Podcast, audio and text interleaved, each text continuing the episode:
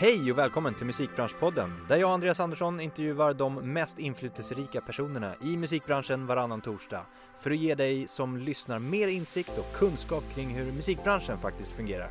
Idag pratar jag med Joppe Pilgren, känd från bland annat bandet Docenterna och som även idag jobbar som VD på Svensk Live som är en branschorganisation för livemusik i Sverige.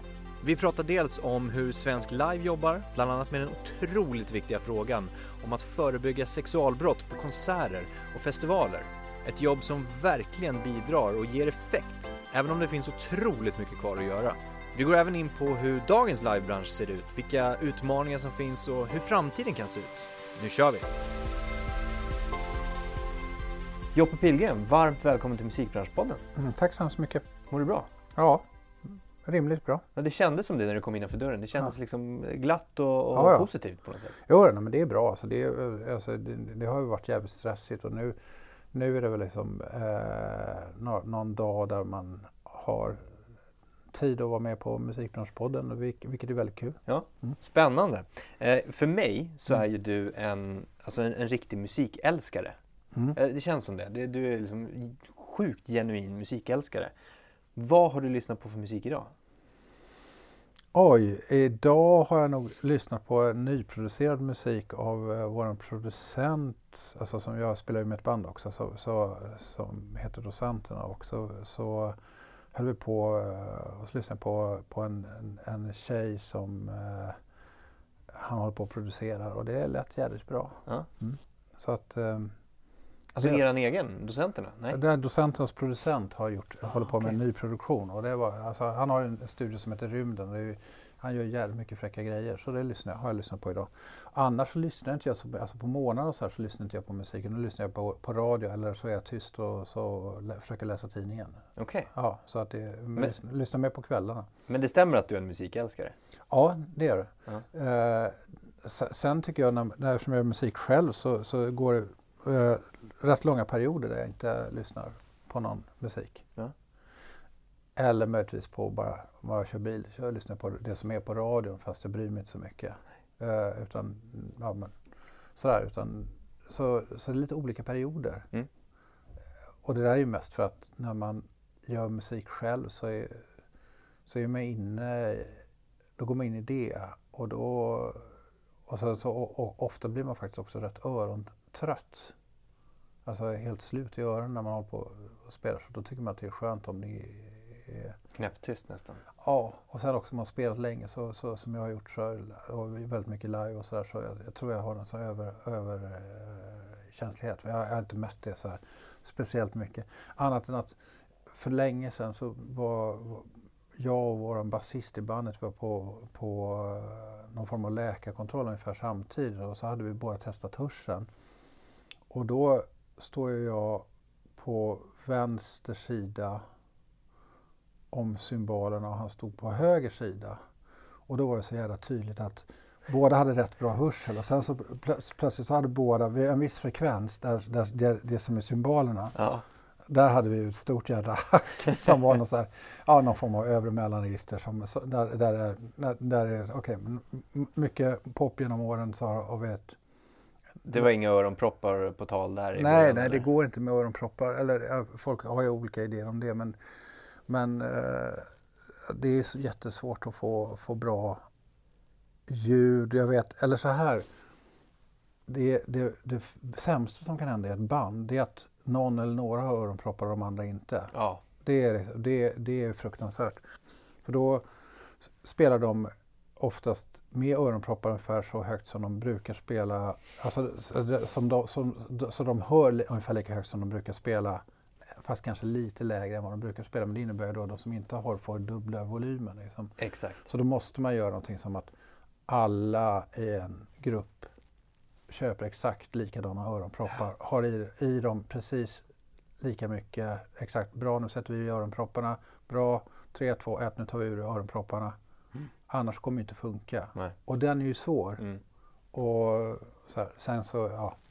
Jag spelade själv i band och hade basisten hade såna här gula byggarbetsproppar Mm. kan man säga. Mm. Och sen så hade vi eh, andra tre investerat i såna här gjutna öronproppar. Mm. Mm. Och Och det är precis det du beskriver. Det blev ju helt fel. Ja, Han var ju och spelade på en helt annan planet. ja, Liksom ljudmässigt och, och, och liksom, det, det, när vi tyckte det lät svinbra, han tyckte det lät skit. Ja. När han tyckte det lät skit, äh, svinbra så tyckte vi det lät skit. ja, ja jo, men det handlar ju om det också att de filtrerar om såna, de filtrerar olika och sånt där. Så att, ja, men, så, men det där är ett, men ja, jag tror inte att det är så. Jag, jag hör ju vad du säger, det räcker ju. Ja, ja.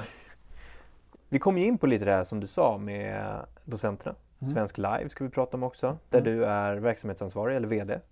Ja, man kan säga vilket man vill. Ja, Mm. och, och vi kommer prata livemusik ganska mycket. Mm. Men jag, något som jag är lite fundersam, eller fundersam, eller så, intresserad av, Mm. nyfiken på, är när du presenterar dig själv för någon som, som du inte känner tidigare eller har träffat tidigare, vet vem du är. Presenterar du då från docenterna, Svensk Live eller Motorjournalen? Oj, det där är ju... Nej, jag, jag tror att jag säger nog bara, jag säger nog vem jag Jag säger hej, jag heter Joppe, säger jag bara. Eh, och sen så...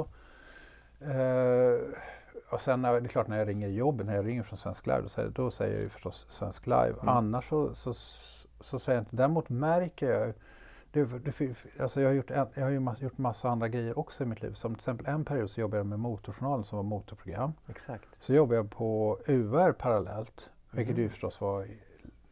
De, det tyckte alla var konstigt. Jag gjorde, men då gjorde jag kanske ett program om juridik på UR. Så körde jag Ferrari eller någonting annat, i, eller någon sport, italienska sportbilar eller vad jag gjorde. Konstiga ryska bilar. Här. Men, men då fick ju jag själv när jag sen kommer till, till busshållplatsen eller går på trottoaren så, så, så säger någon så här, vilket bra program det var på tv igår. Ja. Ja, då, men då så ser jag på vem, vem, vem, vem det är. Alltså Ja. när det är budbilschauffören så handlar det om motorprogrammet. Eh, och när det är, alltså även om det är lite så här schablonmässigt, medan om det är en kulturtant så handlar det om att, att jag hade gjort någonting om retorik på UR eller någonting annat som var spännande och bra. Så, här, så att jag fick ju liksom gissa, eh, kolla hur de såg ut och sen, sen bara säga, okej, men det var, ja, ja, vad bra, vad tyckte du om den och den bilen? Eller ja, ja visst, det är väldigt intressant med, med mm, kultur eller Ja. vad det var för någonting. Så, här. Men apropå intresse sådär, att du är en, en musikälskare, är du motorentusiast också? Ja, det är jag. Fast jag, jag hinner inte pyssla med det någonting egentligen. Men jag tycker att det jag ty, och det var så jag kom in på det. Jag tyckte det var jättekul. Ja. Med, med, alltså, med, jag gillar alltså, små, små europeiska bilar sö, sö, från södra Europa. Och, och egentligen, inte, de- alltså, egentligen inte de här supersportbilarna som är de här lyxmärkena. Utan jag gillar ju så här, eh, små, små bilar med rätt så små mo- motorer. För det är jävligt kul att köra dem. Okej. Alltså, ja, det där, jag jag tror att folk har så här idéer, snubbar framförallt, har idéer så om att det ska vara så här stora motorer. Eh, men det är ju mycket roligare, så här, det är jättekul att köra med stora motorer och, och, och då har man möjlighet att köra jättesnabbt. Men om man kör på vanliga vägar och om man inte har kunskap, vilket de flesta inte har, så kan man inte köra jättesnabbt någon gång. För man kan aldrig köra till liksom den här bilens potential. Men har en lite mer motorsvag och, och, och mindre bil, eller alltså, ja, även Lotus är ju bra och sådär. Så då, kan ju verkligen liksom, då, kan ju, då får man verkligen jobba för att köra snabbt, om man nu vill göra det. Mm, Alltså, så, mm. så det blir så här, eh, så jag, för mig då, som inte är en racerförare, så är det mer stimulerande att köra s- små bilar. Mm. Det tycker jag, och och jag, det andra fattar inte jag riktigt. Jag, alltså jag, jag gillar ju att det, man kan gilla ljudet av en stor motor eller något sånt där. Men vad ska man använda den? Mm. Det är ju min stora fråga. Var kommer det här äh, musik och motorintresset ifrån? Om vi börjar med musiken då? Eh, nej men det var så här, det var det som min, min storebrorsa spelade och sen så kom vi ju, när vi började spela så var det ju en grej man gjorde. Alltså det var punk, punktiden så att då spelade ju folk. Bara hänga på sig guren och ta några tre Ja men, ja men ungefär så. Det, och, och, ja, men, och man hade kompisar som spelade och så började man spela och sen så, så gjorde man något band och sen så hade vi då tur att bli, alltså slå igenom mer eller mindre direkt med do, det, det som heter Docent Död och hade, jag tror när jag var så här 20 bast så var vi ju ute och spelade jättemycket. Och, och det är ju inte alla som har haft den. Ja, för ni har gjort Turen. mycket. Jag läste någonstans 12 studioalbum. Ja, det tror jag att det är 13. 13 till och med? Ja, kanske. Jag vet, ja, jag tror det. Och hundratals, tusentals spelningar? Absolut mer än tusen, men jag vet inte om vi har gjort 2000. Nej. Men mycket. Mycket spelande ute. Ja, det hade vi bevis på på hörseln där. Ja, precis. Nej, men det är, det är, ja, det är, det är ju jävligt... eh, Jag menar, det är också det, men det, man kommer in lite på det med liksom livespelningen också, att det är en sån, sån kick att göra det. Så att, ja, men det är kul att spela in i studio också, men att göra riktigt bra livespelning, och det är inte alltid det blir riktigt bra livespelning, men när man gör riktigt bra livespelningar så är det ju så är det ju eh, en annan nivå, en annan, vad ska man säga, det är livs, livsförhöjande Mm. att göra det. Ja men det är egentligen samma sak om man också ser en riktigt bra eller lyssnar på en riktigt bra livespelning så, så, så flyttar man ju upp allting till någon, eller flyttas, flyttas man ju på något sätt och det är, det är väldigt kul. Men vad, jag, tänk, jag är lite nyfiken på det här med du är väldigt intresserad av live-biten i det hela. Mm. Eftersom du nu också jobbar Mm. med det, Svensk Live. Vi kommer komma in på det, vad ni Mm. gör och så. Ehm, är, det, är det skillnad på live och inspelad musik för dig, liksom rent intressemässigt? Men egentligen ska man säga så här, lite grann för mig så har man nog slutit cirkeln lite grann. För när vi började spela in våra låtar för, alltså för första gångerna och vi fick liksom så här hits med Solglasögon och Bensin i blodet och Chicky Chack och sådär. Så var det låtar som vi hade spelat in, spelat live och gjort, i alltså gjort i replokalen, repat på och spelat live ett antal gånger. Och så spelade vi in dem. Jag tror att vi spelade in vårt första fullängdsalbum med 14 låtar. Jag tror att det tog 40 timmar. Och då, då hinner man ju, då var det ju förstås, alltså man tar tagningar och sen så lägger man på någon gitarr och så lägger man på sång och några körer och sen är man klar. Mm. För det är ungefär vad man hinner på om man ska göra 14 låtar på 40 timmar. Eh, sen, sen så, har, så när det gäller inspelningsgrejen så har det blivit så under en lång period så var det så att man ska testa, det, det ska vara olika ljud och, och sånt där. Och sen så i alla fall för, för oss så har vi hittat tillbaks jävligt mycket till livegrejen. Så att eh, nu senaste albumet så spelar man ju nästan live. Men sen så i studion har man ju mer möjligheter att lägga på och dra bort och, och liksom fixa med, med vissa olika pålägg och sånt där. Men, men eh, jag, jag, för mig har det gått tillbaka väldigt mycket till live-idealet. Mm. Eh, så just nu är inte skillnaden så stor. Men vi har ju varit i jävligt plågsamma studiesituationer. Eh, det fanns en period när man skulle ha så här click track Mm. som var extremt odynamiskt och där producenten bara kollade för man slog rätt takt. Och en klick track låter och så kunde man bara lägga först på trummorna till den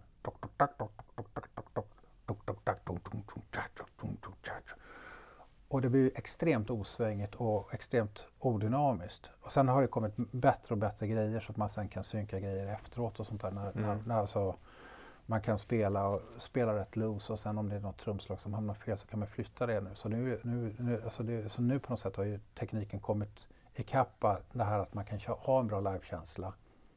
Men, och det gör inte så mycket om ett symbolslag eller någonting blir fel eller ett gitarrackord blir fel för då flyttar man bara det. Så, Mm. så, att, så det är jä- jävligt skönt med, med den nya tekniken nu. För då kan man, ja, alltså då blir blir man igen fri att ha en känsla för musiken.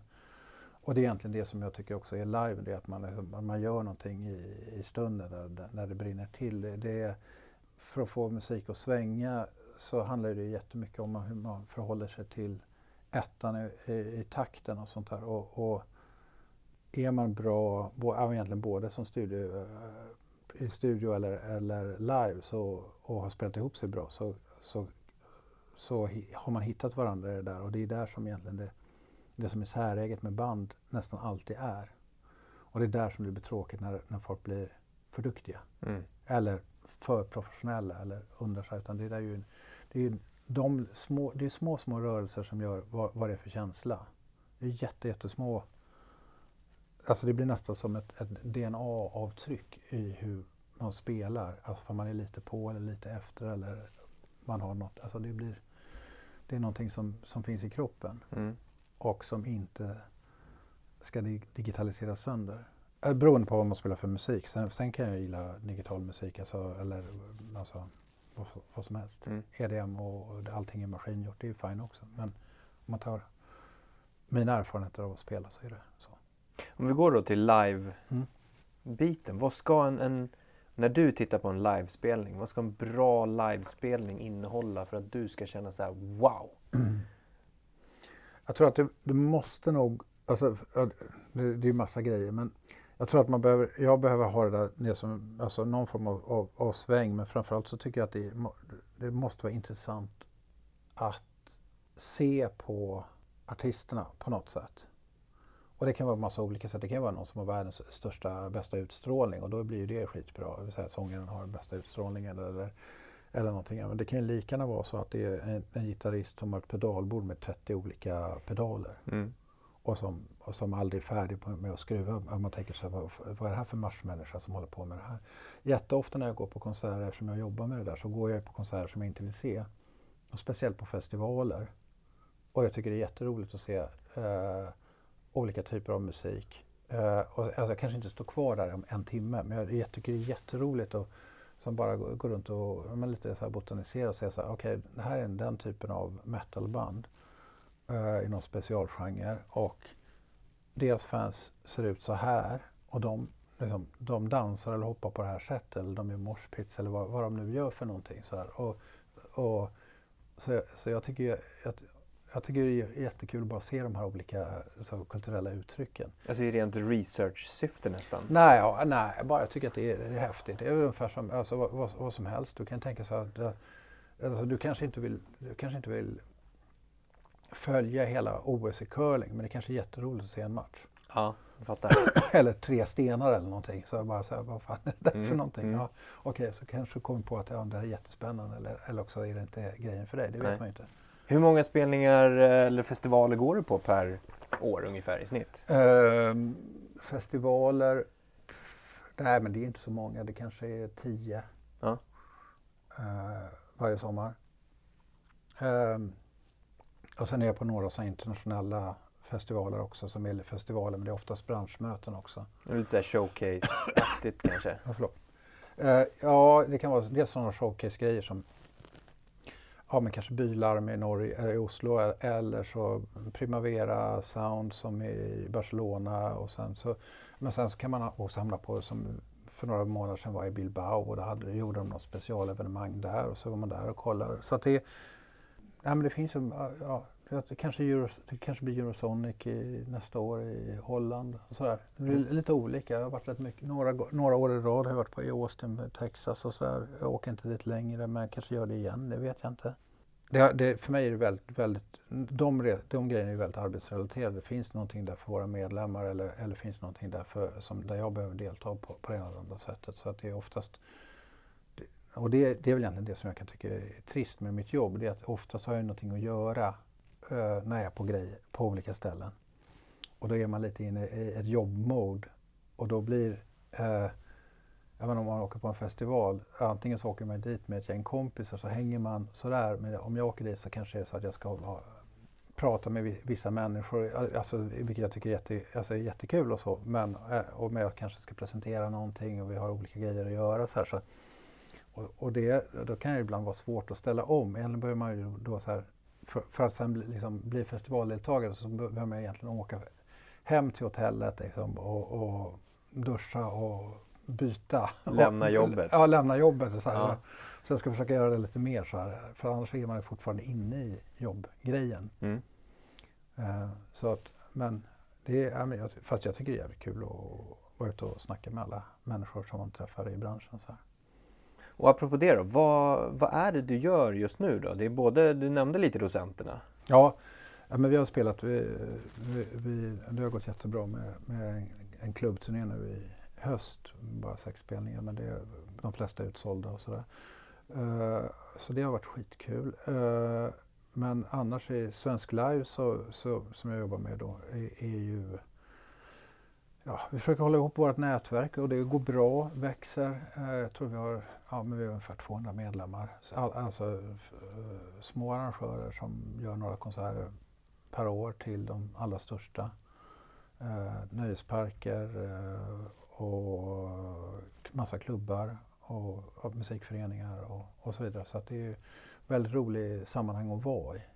Så Svensk Live är ju en organisation? Ja, det är en organisation för alltså, livemusikarrangörer. Mm. Och, och livebranschen är väl drygt halva musikbranschen. Uh, så det är ju liksom en viktig del av, av musikbranschen. I, sen i mitt jobb så, så är det olika saker som jag gör, en, eh, eller som vi gör tillsammans. Men det är, en viktig sak är att eh, driva eh, kulturpolitik.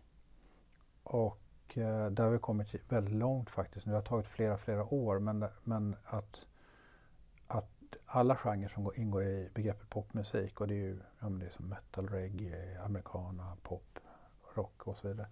Alla de genrerna har ju blivit så här, eh, exkluderade från kulturbidrag tidigare. Eller arrangörer av sådana har ju blivit exkluderade och nu så kommer har ju Kulturrådet sagt att de ska börja lika behandla alla och det är ett jättejobb som vi har gjort. Vi har gjort rapporter och grejer och haft möten och en det ena, en det andra. Så att förhoppningsvis så kommer ju då eh, kommer ju alla musikgenrer att bli lika behandlade när det gäller stöd från staten. Och sen okay. jobbar, så jobbar vi med det i regioner så att eh, förra veckan så blev det klart att Region Skåne satsar på popmusiken också. Okej, okay, och tidigare har det varit då lite smalare Nej, man, har, man, har samlat, man har tidigare eh, satsat på finkultur. Ja, det är. Och finkultur är, eh, det som har egentligen kommit in i kultur, kultursystemet eh, någon gång på, ja, för, före 70-talet och på 70-talet. Och då är det jazz och det är folkmusik och kammarmusik och klassisk musik. Eller alltså, ja, det är det som har, och de, de, de har ju kunnat de har alltid kunnat få jättemycket pengar. Medan om man spelar punk så har inte det varit kultur. Och nu börjar vi få det att det blir kultur. Just det. Och det här handlar ju om att små scener eh, ska kunna, att det ska finnas kultur i hela landet och att man ska kunna ha den här typen av musiken runt om. Och då kommer, kom, kan man behöva lite stöd. Vi pratar inte om att, att det ska finnas kulturstöd för, för grejer som är kommersiellt gångbara. Alltså om, om man tänker gager över ja, någonting, vad det nu kan vara, 30 40 000. Mm. Alltså vi, vi tänker inte att, att Winnerbäck ska få kulturstöd. Nej. Utan, och inte Håkan Hellström heller.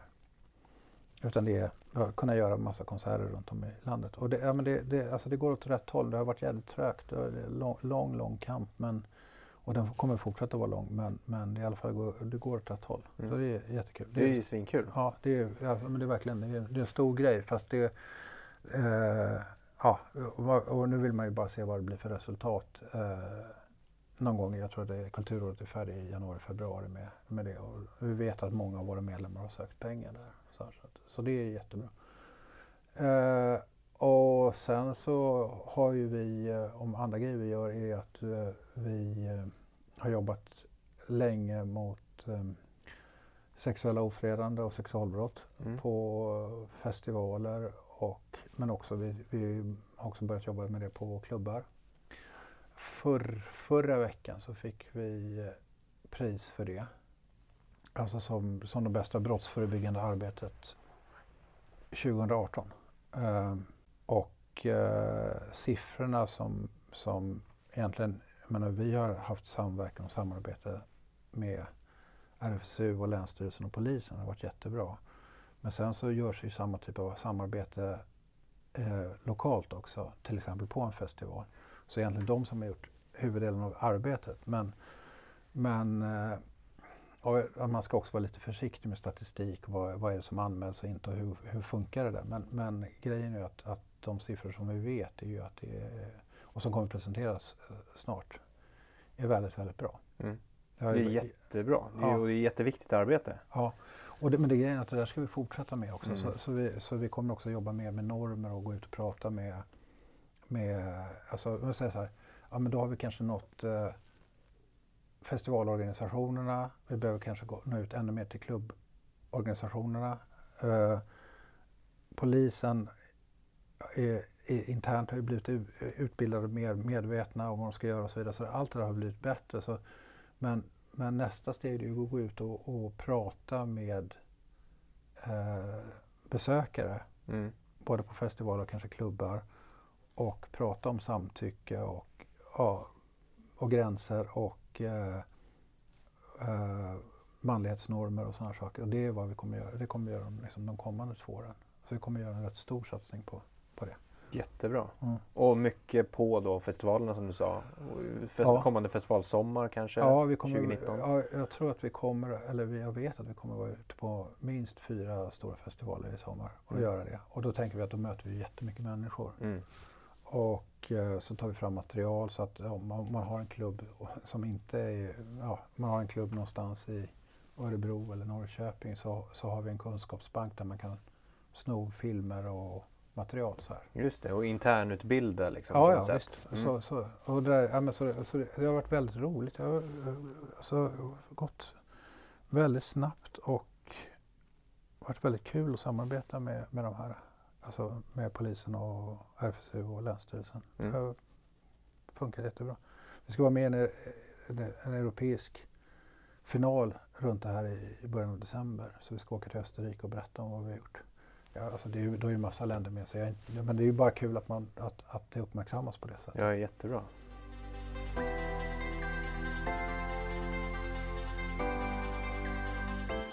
Och i övrigt då? Alltså, varför är det viktigt att Svensk Live finns som organisation? Eh, det finns inget, det har ju tidigare inte funnits någon som har samlat livemusikbranschen. Om man, om man tänker så att eh, musikbranschen är uppdelad i någonstans, även om gränsen blir mer och mer flytande, man har liksom skivbolag och, och förlag och sen så har man live. Mm. Det är egentligen de bitar som finns närmast runt en artist eller låtskrivare. Och eh, förlagsbranschen är organiserad sedan jättelänge och skivbolagsbranschen också via IFP är, organiserad sedan jättelänge. Men det har ju inte funnits en organisation för live-biten och då är det svårt, jag menar, det, alltså en del av mitt jobb det är att företräda livemusikbranschen. Dels ibland gentemot de andra delbranscherna men också tillsammans med de andra gentemot andra intressen. Vi är en intresse, intresseorganisation. Mm. Det innebär att vi har intressen och då kan man säga så här att ja, eftersom vi är en intresseorganisation så är det också rätt självklart att våra intressen inte alltid sammanfaller med andras intressen. Eh, och då kan man ha helt olika syn på till exempel vad man ska betala för upphovsrätt. Mm. Alltså man, man kan säga att bra vi respekterar upphovsrätten. Ja, så säger upphovsrättssällskapen men vi vill ha så här så mycket pengar. Då säger man ja men vad fasen, det har vi inte råd med. Och så har man en förhandling runt det. Då företräder vi livebranschen internt mot, alltså, eller alltså inom musikbranschen mot en motpart. Ja.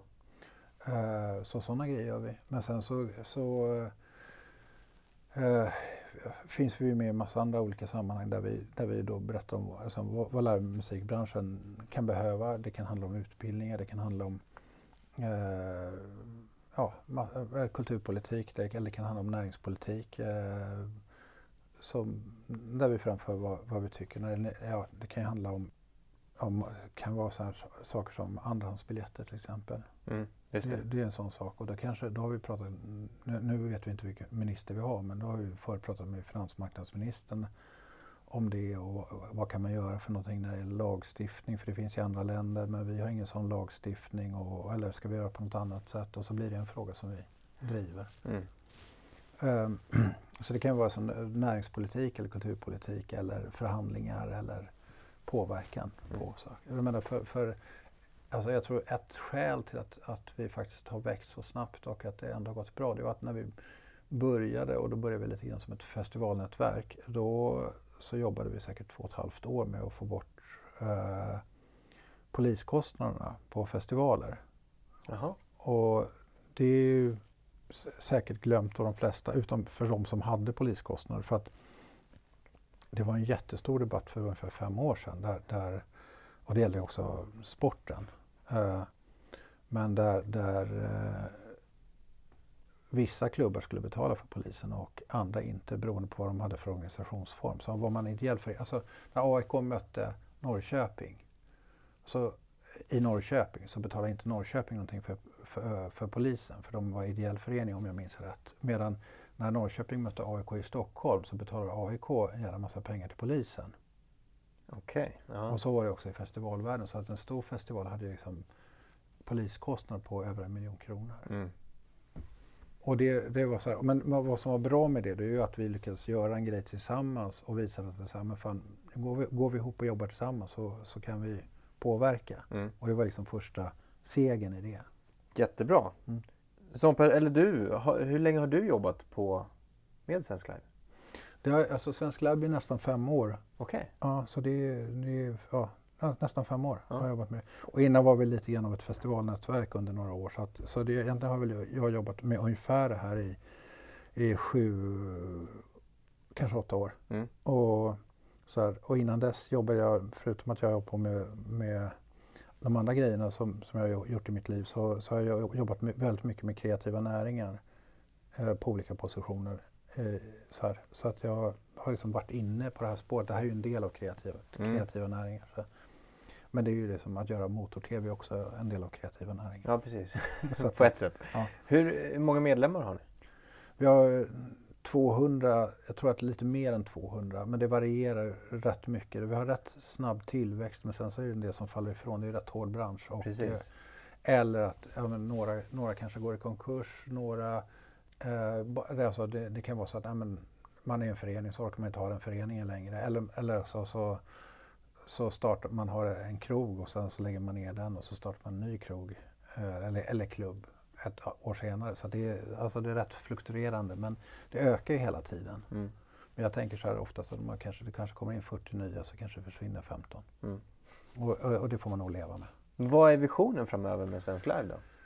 Eh, ja, det, det är en jättebra fråga och den ska vi ställa till, eftersom vi har funnits då i den här formen i ungefär fem år vi, när vi har årsmöte vi, runt uh, vår årliga konferens så, så eh, är väl visionen är förstås att förbättra, alltså vi har en vision som är att förbättra världen med livemusik och förbättra världen för livemusik. Den är ju stor. Mm, verkligen. Eh, men det är faktiskt också det. Vi, jag tycker vi, eller vi och vår, hela vår bransch lyckas med det, med båda grejerna. Ja, ta, om vi lyckas, lyckas med till exempel sexualbrotten någonstans, då har vi förbättrat världen. Mm. Eh, och eh, om vi lyckas med lyckas knäcka andrahandsmarknaden på biljetter, då har vi väl förbättrat för live och så vidare. Mm, Så det, mm. eller få kulturbidrag, då är det väl bättre för, för så, så, nej men så det är liksom den stora versionen. Men sen, sen är frågan är bra därför att nu har vi kommit eh, från att det inte har varit någonting till att ha blivit en, liksom en etablerad del av ehm, strukturen eh, någorlunda. Vi är fortfarande lite sådär nya men, men eh, den, den frågan ska vi ta upp eh, på eh, årsmötet. Vad, vad, vad, hur ser de nästa, det är inte riktigt visioner men vilka frågor snarare. Exakt. Vilka, typ, också eftersom det tar så jävla lång tid att driva frågor. Va? Mm. Alltså, riktiga påverkansfrågor som vi har lyckats med flera gånger. Men, men det är asmycket jobb. I bästa fall klarar man, om man ska påverka politiken, så i bästa fall klarar man det på tre år. Då har man varit jättesnabb. Och, och, så här, och, och, och då tror jag, tror jag att det är jätteviktigt att, att vi tillsammans bestämmer så här, men ska, verkligen, ska vi ge oss på den här äh, frågan eller är den, är den för stor? Eller är den tillräckligt viktig? Eller så, vad ska man liksom spilla sitt krut på lite grann Mm. faktiskt? För att ehm, på något sätt så de, de frågor vi har tagit i, hittills har varit självklara men sen kommer det upp massa andra frågor. Vad, är, är det viktigare för med, medlemmarna att få utbildning, kompetensutveckling, saker som är rätt lätta att ändå fixa. Även om ja, det är svårt i sig men det är ändå liksom, lågt hängande frukter på något sätt.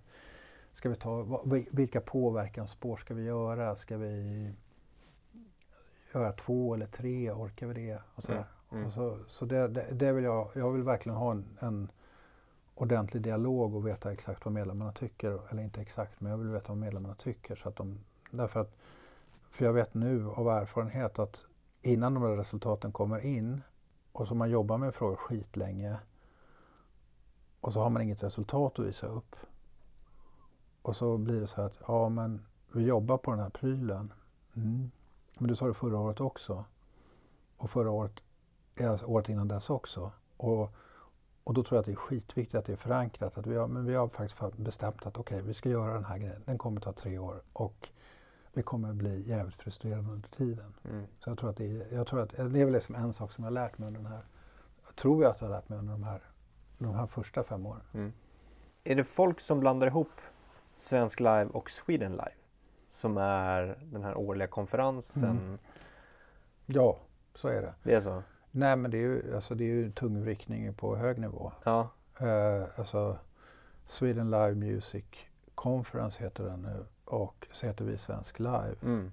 Men alltså, det, det är klart alltså. Eh, under Sweden Live Music Conference kommer Svensk Live att ha sitt medlemsmöte eller årsmöte. Ja, men halloj! vem, vem är vem, vem är vad? Och sen är det dessutom så att Svensk Live är ju med och or organiserar Sweden Live Music Conference. Så, det, så, så, så då, är, då är vi både avsändare, så har vi det namnet och så har vi Svensk Live. Så det, ja, men det, är, det är en bra källa till förvirring. Ja, precis. men det är också en bra konferens ändå för att showcasea lite och samla arrangörer och eh, mm. ja, men bokningsbolag va? Det, det görs ju av sju, åtta bokningsbolag och ihop med oss och sen så, så samlar det, så är det ambuleransen på olika ställen och nu i år är den Luleå eh, 22-23 januari och brukar samla så här, ja, 700-800 arrangörer så det är liksom den stora mötesplatsen. Mm. Och vad vi försöker göra där det är ju alltså dels inspirera men också eh, bidra med kunskap eh, och alltså, ja, antingen att folk får, får inspiration eller att man får ny kunskap. Mm. Uh, vi har haft lite olika ministrar där. Um, Alice Bah Kuhnke har varit där och uh, Anders Ygeman när han var minister var också där. Och då pratade vi väl om sexualbrotten och med Alice Bah pratar vi om kulturpolitiken. Så vi försöker göra sådana saker. Vi funderar på om vi ska ha någon minister eh, i januari, men vi vet inte om det finns någon minister. Precis. och, vem det är.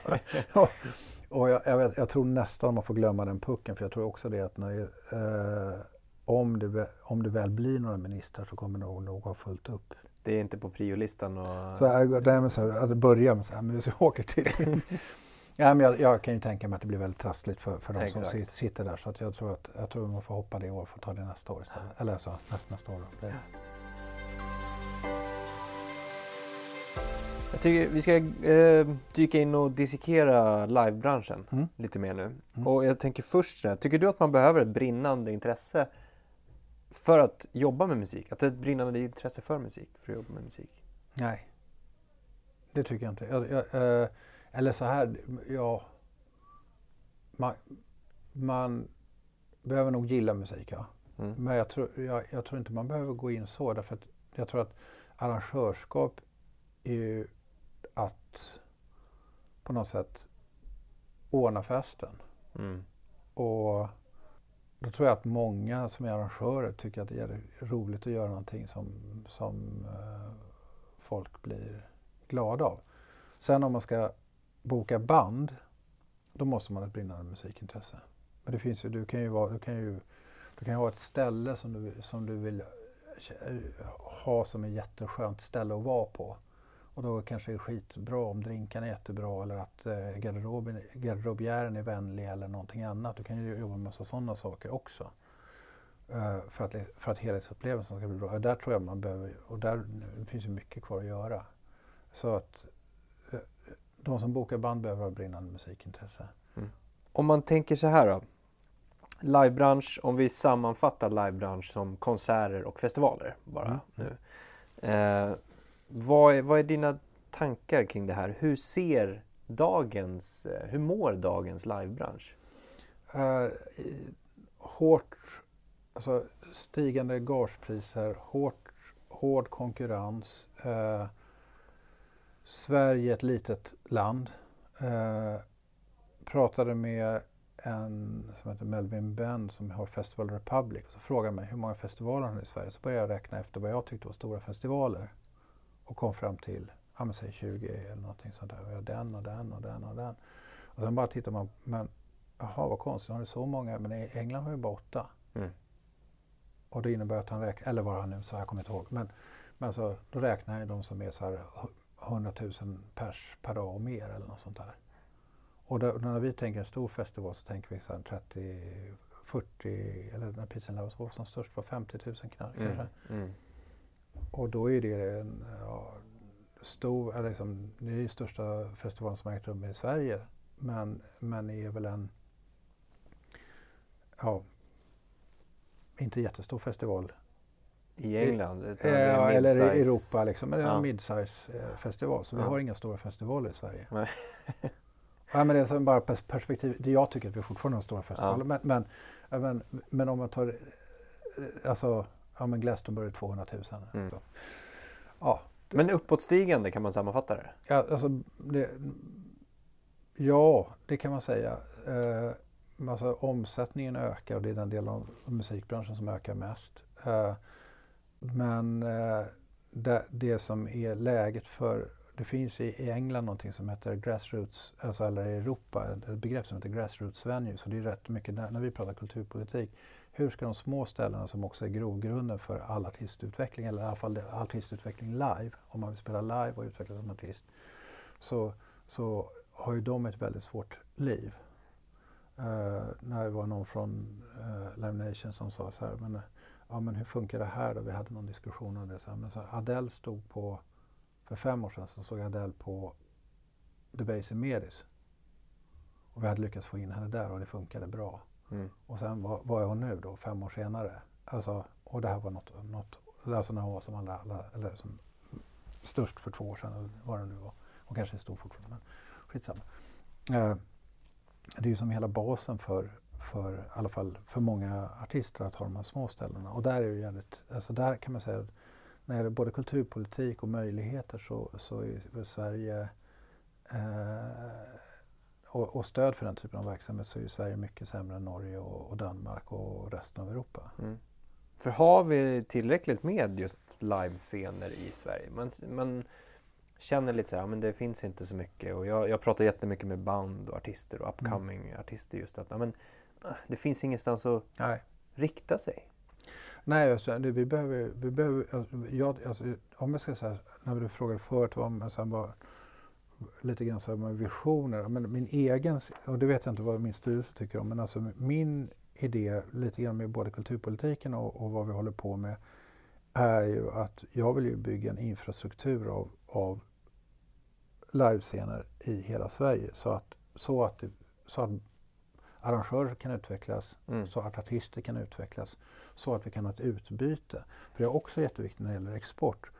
Om inte vi tar emot några artister, vi kan inte bara skicka iväg. Alltså, all handel är ju egentligen är ju, man tänker, vi ska exportera allting. Ja, men fasen, om inte vi tar emot någonting från Kanada då kommer inte de säga, då kommer som förr eller senare säga, men fan, vi får bara grejer men, men eh, vi får inte sk- skicka någonting till er, vi har jättebra grejer. Mhm. Så vi måste kunna ta emot eh, artister från Kanada för att kunna skicka några artister. Sen hoppas vi att ur ett liksom, exportperspektiv kan vi hoppas att vi exporterar mer än vad vi importerar. Mm. Men det går liksom inte att bara skicka ut grejer från Sverige och säga ni ska köpa våra grejer men vi ska inte köpa någonting från er. Och då är ju den här strukturen skitviktig, att man har spelställen runt om och på olika nivåer. Alltså Exakt. stora, stora band som kommer till stora arenor, ja men fan det har vi rätt bra och så här. Men hur, hur är det med de här som åker runt eh, i början av sin karriär? Mm. Och jag tänker sådär, vad kan det bero på? Va- Varför finns det inte tillräckligt med spelställen? Lokaler Mm. måste ju finnas. Ja, runt om i landet finns, alltså om, om du räknar bort storstäderna så finns det lokaler. Mm. Eh, det, nej men det beror väl väldigt mycket på att det är väldigt svårt med ekonomin. Mm. Ja, men jag brukar dra, dra som exempel om man säger att man har ett, en artist som spelar på någon klubb i Stockholm och säger Nalen eller The Base eller någonting. Även om det är en rätt smal genre eller någonting. Alltså någon konstig taggtrådsmusik eller någonting sånt. Ja, men då kanske det kan komma 300 pers i Stockholm. Mm. För det är ett stort upptagningsområde. Och man är, och kanske, kan- kanske kommer 600 om man är bra på marknadsföring. Ja men bra, jättebra kväll med taggtrådsmusik. Ja. Om, om samma artist sen skulle åka till Skövde dagen efter. Kanske på, om vi säger att det är fredag i Stockholm så är det lördag, ännu bättre dag i Skövde. Mm. Ja men hur många kommer då och vad är de beredda att betala? Mm. Och då behöver man skjuta till lite pengar i Skövde. Alltså då behöver ju, om man nu ska ha den, om man nu ser det som kultur och om man nu ska kunna ha det i Skövde. Och förut så fanns det rätt mycket mer offentligt finansierade alltså föreningar som fick lite föreningsbidrag och sånt där. Jag tror att delvis tror jag också att det beror på att eh, folk engagerar sig inte på samma sätt i föreningar som man gjorde förr. Mm. Alltså, på, alltså folk gör samma saker fast man, det är mer så att men man börjar inte med att ska vara en förening, vi ska göra en klubb. Ja men gör en klubb, ja men bra, då, vilka ska, vem, ska, vem eller vilka ska spela? Ja det är de och de, ja vad bra. Men då lägger vi 2000 spänn var så kör vi. Så det, alltså det, är, liksom, det är mycket mer informellt för det, du kan ju starta en sån grupp på, på någon digitalt socialt media. Så här, bra, nu ska vi göra den här grejen och så, så, och så sätter man ihop det på helt andra sätt än förut. Och det passar ju inte, det passar inte samhällsstrukturerna för där ska man ju ha, skicka in eh, styrelseprotokoll och årsmötesprotokoll och ha ett registreringsnummer och skicka in en ansökan. Och det är inte riktigt vad vad, tror jag framförallt unga människor är idag. De tycker så här, men nej, Nej. det, det har jag ingen lust med. Nej men och, precis, och kan det också ha att göra med att man inte är tillräckligt ihärdig? Att man kanske testar en sån klubbkväll och så gick det inte plus Mm. och så lägger man ner. Mm. Nu har inte riktigt den här... Nej, och, där, och, där, och där hamnar man ju också i stödgrejen. Därför att ja, men det sämsta man kan göra, om man tänker att det är tre stycken, fem stycken entusiastiska 17-åringar som vill göra någonting. Mm. Ja. Och så, gör de, så, så brinner de för det och sen så, och sen så förlorar alla tusen spänn var. Och tusen spänn var är rätt mycket när man är 17 bast. Ja, men så hur, vad var det för belöning? Hur, hur, alltså så, så, så jag tror att det är väldigt viktigt att, att ja, egentligen vad jag skulle önska egentligen alla unga människor det är att, att få göra någonting som går någorlunda bra som, som, som stärker självförtroendet. Eller i alla fall när man landar någorlunda mjukt. Om, om det inte går bra. Så, Mm. att, så att man vågar orka göra grejer om och om igen. För Mm. sen resten av livet är ju så att man misslyckas hela tiden. Och sen så ibland så lyckas man med någonting. Alltså man, vad som helst man, man håller på med. Man ska sälja någon grej, ja men då måste man träffa 20 pers och sen efter den 21 lyckas kanske köpa det. Kanske, då, då kanske man lyckas sälja det man håller på med. Det kan ju vara rätt alltså, motigt men jag tror, att, jag tror att det är jättebra att få med sig oavsett om man utövar grejer eller genomför grejer. Att man får med sig någonting som är lite så här, ja men fasen jag kan ju. Mm. Det tror jag, det skulle jag önska alla, alltså oavsett om det handlar om att hoppa med hästar eller springa eller, Ja, men, eller arrangera en konsert. Liksom så här, ja men det gick ändå rätt bra. Det var Exakt. kul. Det var bra, vi gör det igen. ja, men det är en bra beskrivning. Landa mjukt på något sätt. Ja. Och sen också få ha förståelsen för att det kan ta tid. Mm. Alltså som när du spelar i band. Det tar tid innan du kommer ut och spelar live. Det tar Ja. tid innan du får fans. Det tar Mm. tid Mm. när du bygger ett företag. Det tar tid innan du Mm. kommer igång. Och Mm. På samma sätt när du startar en klubb eller en Mm. festival. Det tar tid. Så man får Mm. ha tålamodet också kanske. Ja, men, om, men, om, det, men då om, man, om, man bara får, om det bara börjar med jävla kalldusch då kanske man, då, då, då kanske man bara släpper den Ja, grejen. absolut. Och det, är det, det är det som jag... Och, så jag tror, då, men då tror jag att man nämligen, att, eller då tror jag att man förstår, då Mm. pallar man att det tar tid. Va? Därför att det då, då blir det så här, okej men det, det, det gick, nej, det gick rätt okej, vad bra. Och sen gick nästa gång dåligt, men så kanske nästa gång går bättre. Så, här. Så tror jag. Om vi tar steget upp då till festivaler här nu. Mm. Vad skulle du säga är det största misstaget festivaler i Sverige idag gör? Det, jag tror så här att de kanske inte är tillräckligt speciella. Okej. För breda? Alltså i utbudet nej, då? På... ja, nej, jag tror att man kan vara bred sådär, men jag tror att man, man så här, vad är det som är speciellt med den här festivalen? Mm. Och då finns det några som har lyckats med det. Kan man ju säga så här. Mm, Så kan man tycka vad man vill, men det, nu har jag ju Gagnef i, lagt ner i Dalarna, men, men det var en speciell festival som var liksom, ja, någon, någon skön typ av konst. Popfestival i en park. Mm. Eh, eller Sweden Rock som är, har en jävligt tydlig inriktning och jävligt hög servicenivå och en tydlig ja, musikgenre. Mm. Ehm, jag tror att man, man alltså det, det kan ju vara så att man, är, man kan vara väldigt bred men då kanske man behöver vara så här, det här är den bästa festivalen att eh, hänga med, med med kidsen för familjer. Mm. Det kan vara en speciell, och där, varför det? Ja men det är ju, det finns hängmattor överallt och det coola ställen att softa på. Men, Mm. Och då kanske det är det man satsar på och sen så kanske line-upen på scen är, är inriktad på det också så att det blir en, en skön grej. Mm. Och, och så, så, där, så att så jag tror att man behöver hitta, eller fall, fast fall det är fel eller inte, det vet jag inte. Men, men alltså, jag tror att man, konkurrensen hårdnar och, och eh, folks krav på upplevelser och sånt där ökar ju hela, hela tiden. Ja. Ja, men, alltså, men tänk bara så här, som stockholmare, man åker tunnelbana och så har de en fördröjning på innan de öppnar dörrarna som är två sekunder. Ja, men hur, länge ska man, hur lång tid ska det gå, ta att behöva öppna en dörr, tänker man ju då. Ja. Eller hur? Ja. Kan ni öppna dörren? Jag har ju stått här i liksom, två sekunder. Äntligen! Så man hinner tänka allt det. Ja. Eh, och, och då tror jag att, man, att, det, är- att, det, det är den upplevelsesnurr som man är inne i, att man behöver ja, men, på, på något sätt tagga upp upplevelserna hela tiden. Ja. Det kan vara sådana grejer som, som ja, men, vad, vad gör man? Säg att det är köer då. Man, kan det hända någonting kul i kön? Mm. Alltså finns det något roligt att se på eller finns det en tävling att göra? Eller, alltså, och det kan vara töntiga grejer. Det kan ju vara som, vad som helst, en frågesport. Ja. När jag har gjort de här fem frågorna medan ni står i kön så får ni apelsin när ni kommer fram. Nej, men det, alltså, det behöver inte vara, det behöver inte vara high tech utan det kan lika gärna vara en sån grej. Ja. Och då, då kan man ju tycka att det är roligt. Ja. Jaha, och får man en apelsin, varför har ni valt att man ska ha en apelsin? Ja. Det där bara var rakt ur huvudet nu, men ungefär så. Och så kan du spinna vidare på det. Och, Apelsinfestivalen. Vad, eh, om vi tittar framtidsmässigt då, vad, vad tror du kommer bli mest spännande med framtidens festivaler?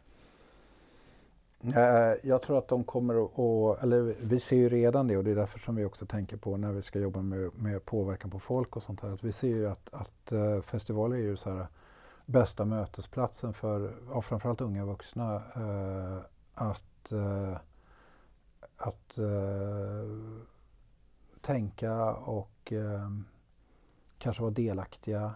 Jag tror att det kommer bli mer och mer sådana här samtal som det är som Way Out West Talks eller någonting sånt där. Att man, börjar, mm, man, man flyttar in andra moment där, ja, man, där man kanske är delaktig. Eller, jag tror också det, eller, när, när, vi vet ju också att, att när man är på festival så, så finns det ett begrepp som heter liminal och det är att man går in i en typ av bubbla och där man eh, är mer mottaglig för nya intryck.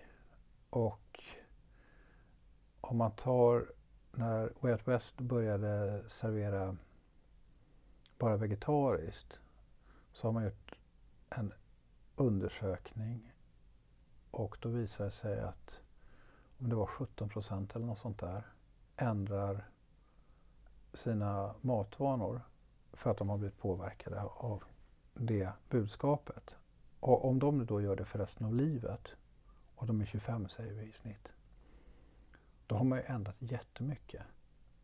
Om det är 3, jag säger att det är 3000 pers då eller någonting, eller vad 17 procent nu kan vara, men ett antal tusen pers Mm. som ändrar sina matvanor, kanske för hela livet eller för tio år framåt eller någonting. Då, då, då har det hänt jättemycket. Så jag tror att det kommer vara rätt mycket sådana där grejer också. Så, alltså, vad ska man säga, någon världsförbättring. Mm. Påverkan. Ja, fast jag tror att, och där får man ju också vara försiktig för alltså, det finns en påverkansmöjlighet och vad är, Mm. vad är det man då säljer på de plattformarna? Exakt. Eh, Alltså är det dåliga eller bra saker? Ja. Och, och så där. Och, och det kommer ju vara grannlaga förstås. Och, alltså, så här, men hur säljer man bra saker? Man kanske får mer betalt om man säljer dåliga saker. Och vem bestämmer vad som är bra saker att sälja? Ja, precis. Och det måste ju då den som rimligen har festivalen bestämma. Mm. Och då får, får väl den bestämma också vad den... Alltså, men, jag tror att det, men då tror jag också att det blir en viktig... Också för att konsumenterna blir mer och mer medvetna då. Eller vad ska man säga om man ser det som konsumenter, festivalbesökare. Mm.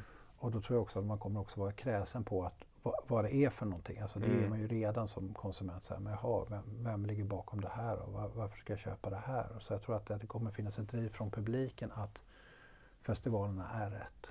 Och, och festivaler som är duktiga kommer att göra rätt och, få ännu mer publik av det. Så jag tror att det är alltså, samhällsengagemang då, ska man säga, sam, sammanfatta det som. Mm. Alltså samhällsförbättring, samhällsengagemang tror jag kommer finnas allt högre utsträckning på festivaler. Tror du teknik kommer vara med och utmana? Jag tänker mig med AR-tekniken och VR. Kommer man sitta hemma istället och titta på en Mm. festival? Ja, det tror jag också. Eh, det kommer man säkert att göra. Eh, men jag tror att det bara kommer att driva ungefär som, som man tänker digitalisering av musik har ju drivit eh, att tror jag att det driver, jag vet, inte, jag vet inte det här riktigt men jag, jag gissar ju att det har drivit intresse för musik och också att gå på, på livekonserter. Och det är klart att det kan både vara en hot, ett hot och en möjlighet. Men jag tror mest att det är en möjlighet att, att ny teknik, man får olika upplevelser. Sen vill man oftast ändå vara där. Eh, socialisering, om man tittar på vad, vad, vad skälet till att gå på, på en festival, så är ju socialisering ofta, ibland är det starkare skäl än musiken och ibland är musiken starkare skäl än socialisering. Men socialisering ligger ju högt upp. Alltså att träffa och hänga med, med, hänga med olika människor. Mm. Det är det som, det är det. Sådär. Mm. Det, och jag vet inte, sen vet inte jag vad, vad, som händer med människan på lång sikt. För det är möjligt att, att människan så småningom vänder sig över att inte ha någon kontakt. Mm. Men än så länge, så vad jag förstår, så vill vi ändå ses. Det känns som det. Ja, men liksom i livet.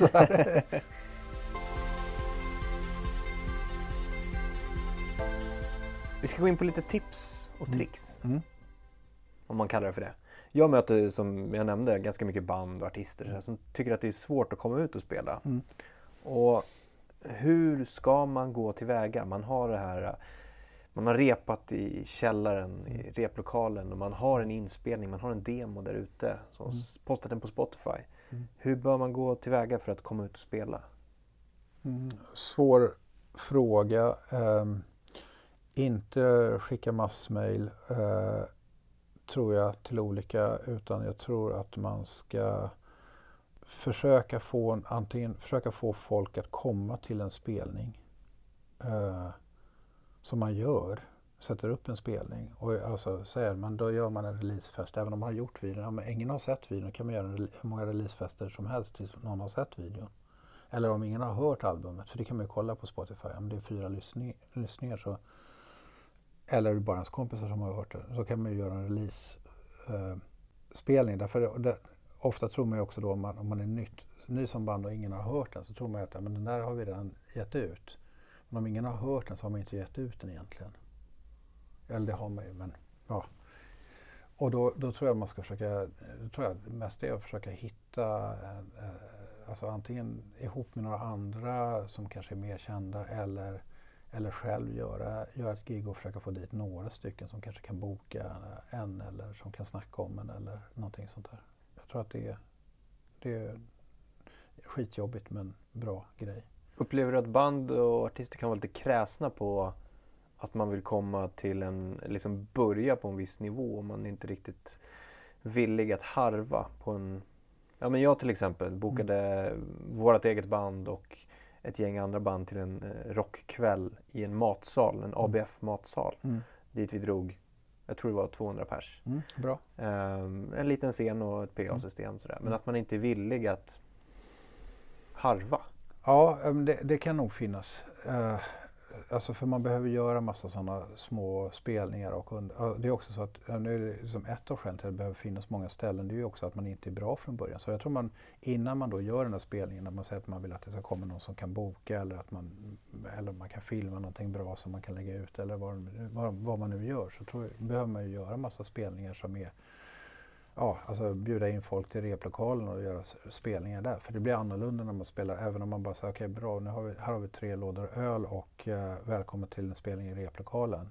Vi börjar exakt 21. Mm. Sen en annan grej som nya band ska, alltså det gäller ju även äldre band fast de är ju mycket sämre på det. Men alltså konserter som är för långa och när man inte är klar är ju helt värdelöst. Alltså det är bättre, alltid bättre att göra, om man har om man tror att man har fem skitbra låtar, ja, men vilka är de tre bästa av dem? Det är de vi kör. Mm. Om man har tio låtar så väljer ut de fyra bästa. Mm.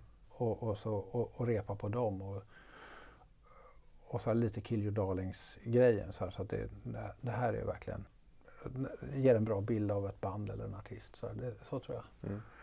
Så ja, men jag, tror, jag tror att på något sätt komma ut på det, det tror jag kan vara bra. Och sen så Sen när det gäller låtar så tror jag att man ska, eftersom det är så mycket låtar så tror jag att man ska satsa på, och det är det, som det alltid har varit egentligen, men ännu mer nu, satsa på en låt. Se till att den, den låten blir riktigt jävla bra så att den överhuvudtaget har någon chans. Alltså jag, jag tycker ju att ja, när vi själva gör låtar så tycker man att det här borde kunna spela på radio eller något sånt där. Men, men alltså det är ju skitsvårt. Eh, för att det måste vara ja, men det måste ju vara någonting som verkligen suger tag i folk. Och där tror jag man kan också faktiskt jobba med lite referensgrupper. Uh, alltså hålla på och hålla på tills man säger, men den här låten, alltså när, när folk då kommer tillbaka och säger så här, fast jag har haft er låt i huvudet hela dagen. Mm. Uh, och sen när de frågar så här, ska ni inte ge ut de där låtarna? då har man ju kommit hela vägen dit man behöver komma. Precis. Och att man har satt ihop de här grejerna som man själv tycker är bra är inte samma sak som att andra är helt nöjda. Nej. Så att jag, jag tror att det är ja, men lite så, lite självkritik helt enkelt. Mm. tror jag är bra. Jag tänkte på en annan sak där med live mm. spelningar och liveställen. Mm. Att man kanske bör titta i andra sammanhang också. Inte bara på fritidsgården och rockklubben. Att det är liksom det enda som finns. Mm. Jag tänker mig klädbutiker, kaféer, bibliotek, köpcentrum mm. eller vad det nu skulle kunna vara. Och hitta musiken och sätta in den i andra sammanhang. Mm.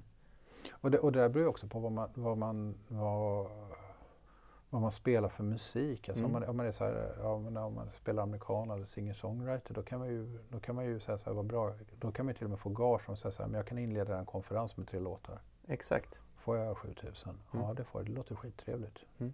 Ja, men då, alltså då, då, men då, och, då, då, och då blir det, det är klart att man inte slår igenom det, av den grejen, men det blir ett, liksom ett, ett gig och det blir ett trä, träningstillfälle till och då har man ju, då lär man sig någonting av det också. Mm. Så jag, jag, tror att det är jättebra. Men sen tror jag också så här, ja, men det, får, det får nog vara rätt mycket så do it yourself äh, grej, att, att ordna grejer ihop med band och, och, och eller andra artister och, och, hitta platserna på något sätt. Mm. Om vi sen går över på arrangörerna. Mm. Dina bästa tips för någon som vill starta igång och dra igång en klubb eller konsertställe eller festival? Mm. Ja, men då tror, jag att man, då, då tror jag man behöver vara några stycken helst. Mm. Ja, det behöver kanske man, det, det, kan vara bra, alltså även om man är solartist kan det också bra att ha några folk runt omkring sig. Men eh, men om man ska göra, göra ett arrangemang så då är det nog bra att vara några stycken och sen så tror jag att man behöver ha, försöka ha en tydlig idé om vad det, vad är, vad är det för någonting som, som man vill göra men kanske också liksom hur ska den här, ja, säg att man ska göra en kväll då. Hur ska den här kvällen vara? Vad, vad, är, vad är det för kväll? Och, och sen så blir det väl att hitta ställe och hitta artister och, eller vad, vad man nu ska göra för någonting. Men, men jag tror att, ja men en, en bra idé. Mm. Och också egentligen så här, på samma sätt som när gäller låtar, bara, men vad är speciellt med den här klubben? Ja, men det är, är jättebra för alla för att alla är barfota. Mm. Men, eller vad, vad, man nu hittar på för någonting. Eller vi har jättes, våra drinkar, det är jätte, man blir jättekonstig av dem. Nej, inte just det kanske. Eller vi säljer apelsiner i baren. Ja, precis. Återigen. Någonting sånt. Du ska få en fråga från föregående gäst mm, mm. som var Marie Ledin och hon är ju väldigt insatt i Polarpriset minst mm. sagt. Mm. Så hon undrar ju då, vem tycker du bör vinna Polarpriset 2019? Det är en självklar vinnare som finns inom populärmusikområdet. Uh, det är ju Pete Townsend i The Who. Eller The Who då, med ja. Roddy Daughter också. Det, alltså det, det är ju det som har gjort så jävla mycket uppfunnit pop, uppfunnit hårdrocken och gjort massa konstiga uh, operor. Uh, och uh, hållit på sen 65 och har väl typ slutat nu. Ja, de finns väl fortfarande fast de, ja, jag tror inte de gör några, de, men de gjorde spelningar i alla fall tror jag förra året eller någonting. Det, det är en given vinnare. Skulle du bli glad om de annonserade Ja, det, de som vinnare? Ja, det skulle, det skulle vara, det skulle vara på, jag skulle säga så här som vad fasen Gert Fylking sa på, på Svenska Akademin. Äntligen skulle jag säga. Told you so. Told you so. det hade ni kunnat gjort för länge sedan. Men, eh, men ja, den men... andra vinnaren vet inte jag. Alltså, de gör väl någonting till någon som är så här världsmusik eller klassisk musik mm. eller något sånt där. Ja, det skulle också kunna gå till The Hoop faktiskt. De får, dubbel, de får dubbelpris. Ja. Du ska få ställa en fråga till nästa gäst också. Mm. Om du har gått många stigar i ditt liv, vil, vilken stig var den värsta återvändsgränden, jobbigaste återvändsgränden som du inte borde, borde gått in på? Okej. Mm. Det ska vi ta reda på. Mm. Spännande. Joppe, jättetack för ett trevligt samtal. Mm, tack så hemskt mycket, det var jättekul. Lycka till med Svensk Live och docenterna framförallt. Ja, båda. Ja. ja kanon. tack. Hej.